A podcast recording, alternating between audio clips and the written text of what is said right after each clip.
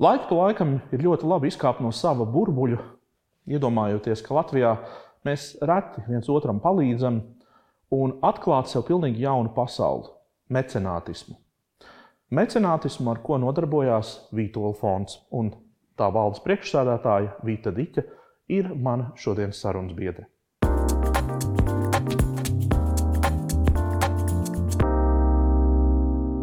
Vita, tevi es iepazinu tad, kad es mācījos vēl vidusskolā.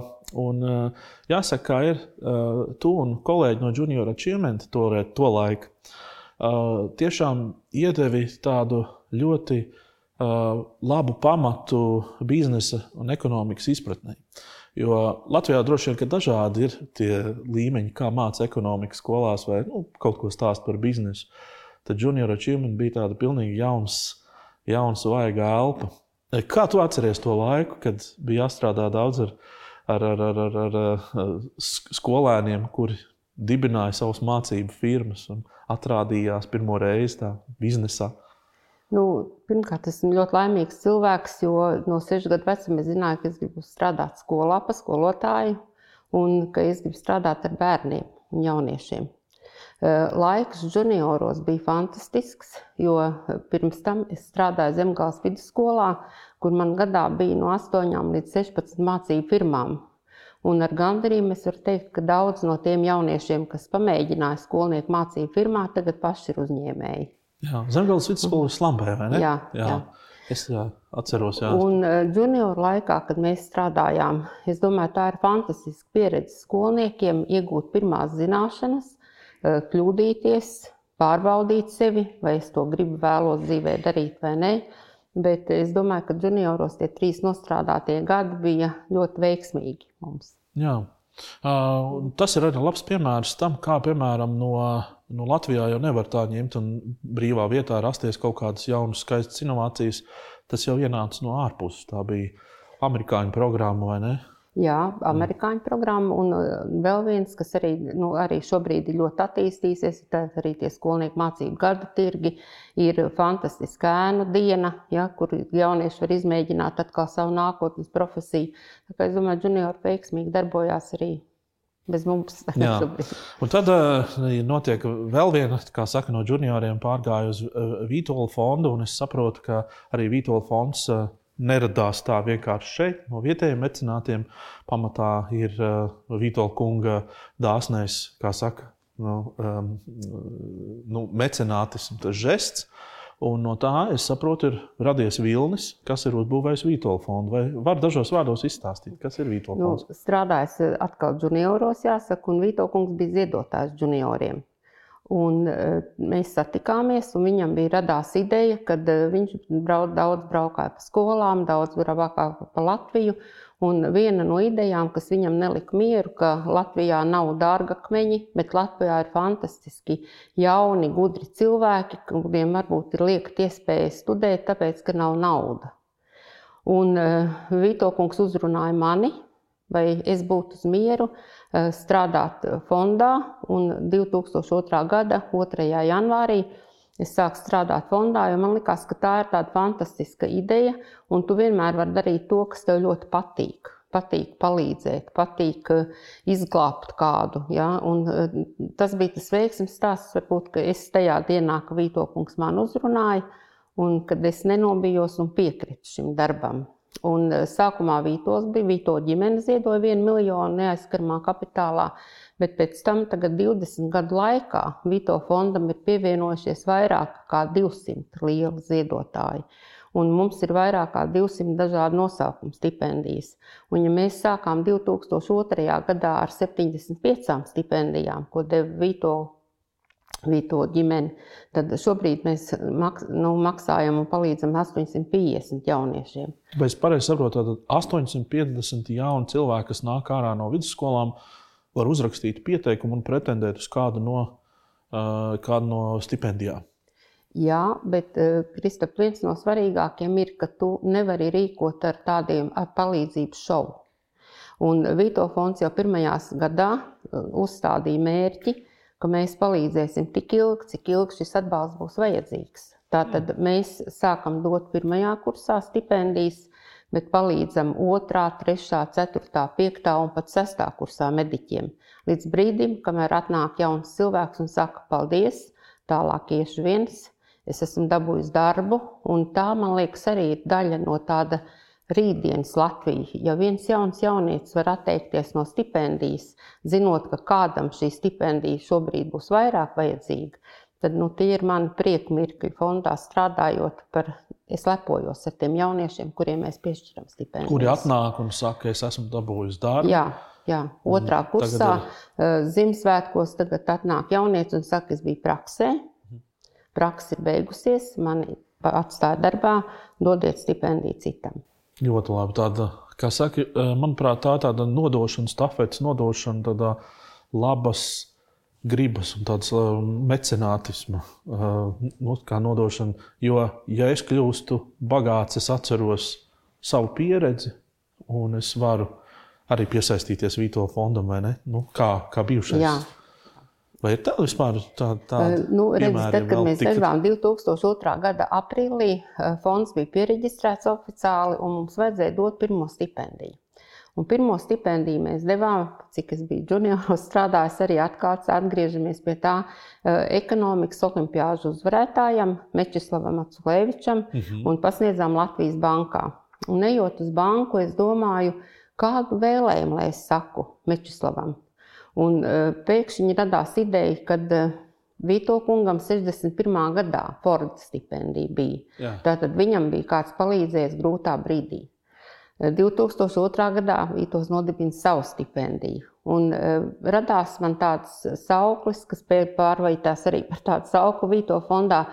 Es tev vēlu dzīvē kļūt tik bagātam, lai tu varētu atgriezties un palīdzēt citam.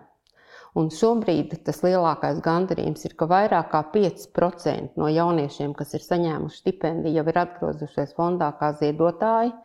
Mečislavs ir nodibinājis savu ģimenes stipendiju, un tas, man liekas, ir tāds lielākais gandarījums.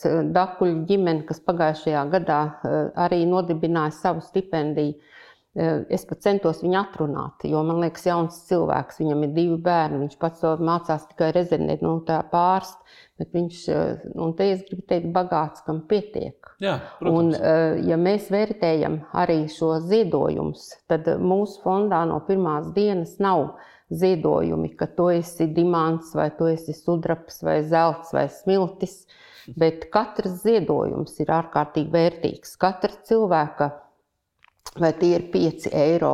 Varbūt viņš vairāk tajā brīdī nevar ieziedot, bet tas ir daudz vairāk nekā kādam miljonāram ieziedot miljonu. Tātad mēs nevērtējam ziedotāju pēc tā, cik viņš ir ziedojis, bet tie visi ir mūsu ziedotāji. Un, ja es runāju par tādu brīdi, kas man ir ļoti saviņojis fondā, tad tā bija viena Latvijas pensionāra, Elza Kampera, kura atnāca un noziedoja savu sakrāto pensiju, lai kāds varētu studēt Latvijas Lauksaimniecības Universitātē agronomiju. Tad, ja mēs runājam, kurš ir lielākais ziedotājs fondā?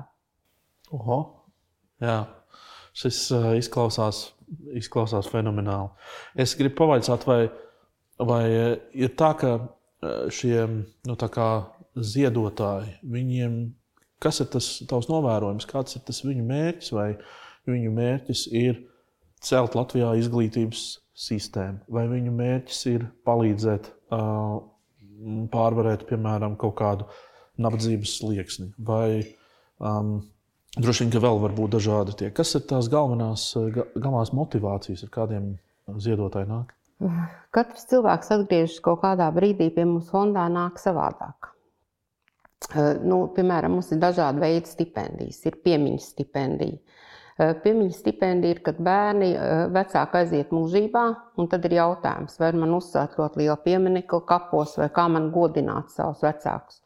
Un šobrīd arvien vairāk eh, cilvēki ziedo kādam labam mērķim aiziet mūžībā piederīgiem. Un mums ir nodibinājuši, piemēram, tādi brāļi odiņi. Viņi nodibināja mammai piemiņas stipendiju. Viņi aicināja krematorijā nenest ziedus, kur tur nav vajadzīgi. Mhm bet aicināja to, ko jūs vēlaties tērēt ziediem, ziedojiet stipendijai. Un, uh, viņi savāca naudu, ļoti nu, lielu summu, un tagad vairākus gadus šī stipendija palīdzēs vienam jaunietim, uh, māksliniekam, dejotājam studēt. Tātad, jo mamma pati bija dejotāja. Nu, lūk, tāds piemērs. Cilvēkam ir 50 gadi. Tā ir nu, sasniegt zināms dzīves līmenis, un viņam vairāk dāvanas nevajag. Viņš pats viss var nopirkt. Un tad ir ielūgums. Eh, nāciet uz mani jubileju, būs balle, būs svētku torte, bet nenesiet dāvanas, ziedojiet stipendijai. stipendijai. Tātad tas ir prieka brīdī, es dalos ar tas, savu. Tas nozīmē, ka tas ir eh, domu gājiens. Nevis tā kā tik daudz, kā man ir nauda, es viņu varu atlicināt stipendijai, bet es pat varu, kā saka, tā angliski tas crowdfunding. Bet, Uh, uzņemties iniciatīvu, ja man kaut kas dzīvē ir svarīgs un būtisks, es uzņemos iniciatīvu šo naudu savācu un veltu stipendiju. Jā, un tu jautāji par to, kāpēc cilvēki ziedo. Ziedo tikai tie, kas domā par rītdienas Latviju, ziedo tie, kas grib audz, nu, teiksim, dzīvot vidē, kurā ir izglītoti cilvēki. Jā, protams. un, jo vairāk mums tādu cilvēku būs, jo labāk būs mūsu rītdiena. Jā.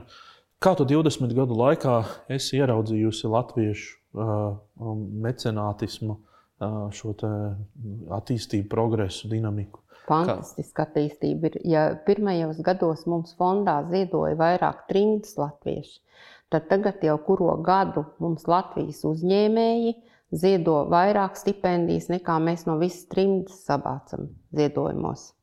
Un vēl viens liels pluss ir tas, ka visvairāk ir tā, tie uzņēmēji, kas mums ir ilgtermiņa sadarbības partneri.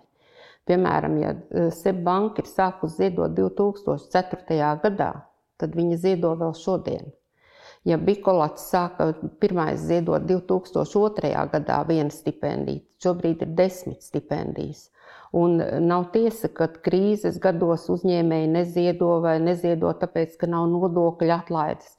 Mums Vīto fondā ir fantastiski. Tie ziedotāji, kad viņi, jo viņiem grūtāk iet, viņi saraus to, nu, teiksim, saraus, bet viņi izdomās, kā es varu tomēr ziedot. Nevis, nu, tagad man ir grūti, es neziedošu. Un mums ir tādi ilgtermiņa sadarbības partneri, kas ir ārkārtīgi vērtīgi. Jo jebkuram, piemēram, arī uzņēmējam vai kā, ir jāstrādā ar tiem, kas ir savējie, kas tev ir. Jo, ja mēs dzenamies pēc jauna, pēc jauna, pēc jauna ziedojuma, ja, bet šodien labā ziņa ir tā, ka ļoti daudzi pievienojās paši. Viņi lasa Facebookā, viņi dabū kādu interviju izlasīt ar Vīto fondu, teiksim, ja. Viņi atnāk un saka, mēs gribam pievienoties, mēs gribam dibināt savu stipendiju, un tas ir fantastiski. Jā. Labi, tas ir par tiem, kas dod stipendiju. Parunāsim par tiem, kuri saņem stipendiju. Droši vien, ka ir redzēti un dzirdēti daudz un dažādi stāsti, vai ne? Kas, kas ir tie cilvēki, kuriem ir šie talanti, bet kuriem varbūt nav dzīvē nu, tik ļoti paveicies, kā saka, nofinansēt savas studijas? Nu, tu pieskāries Vīto fondu mērķim. Tātad mēs palīdzam centīgiem, talantīgiem, bet tādiem jauniešiem, kuri paši nevar izskoloties. Pirmajos, gadu, jā, jēga, jā. pirmajos gados mēs eh, devām tikai tādiem jauniešiem, jā, jo nu, daudz palikt mājās, daudz nesākt studēt, jo viņiem vienkārši nav par ko studēt. Eh, gadu laikā liekas, ka dzīve ir sakārtojusies, mēs visi dzīvojam labāk. Eh, diemžēl tā nav. Arī šogad mums ir 502 pieteikumi ar lūgumu pēc palīdzības. Tātad šī vajadzība tikai aug. Ja, vai arī vairāk jaunieši varbūt ir uzzinājuši, ka ir fondi, viņi ir kļuvuši drosmīgāki arī prasīt arī šo palīdzību. Bet, eh, ja domā par, par, par to, vai tas jaunietis atnākot studēt, eh, ir sagatavots studijām, Tad 90, piemēram, mums tagad 98,5% mācās sekmīgi. Tātad viņi liek līdzi un augstskolas nu, prasībām. Tā ir jūsu prasība arī, ja nē? Tas, jā, jā, mēs eh, katru gadu pārbaudām. Divas reizes gadā mēs prasām atskaites. Jaunieši mums atskaitās eh, par saviem mācību rezultātiem. Un pats labākais ir tas, ka mēs aicinām ziedotājiem rakstīt tādas mīlestības vēstules, kas ir ārkārtīgi svarīgi. Jo viens ir ne tikai ņemt, bet arī dot. Un tas jaunietis var dot to savu mīlestību tajā vēstulē, viņš var izstāstīt, kā viņam klājās. Un ziedotājiem, piemēram, sēžot kaut kādā Amerikā pansionātā, tā ir vienīgā saikne ar Latviju. Viņš gaida šīs vēstules.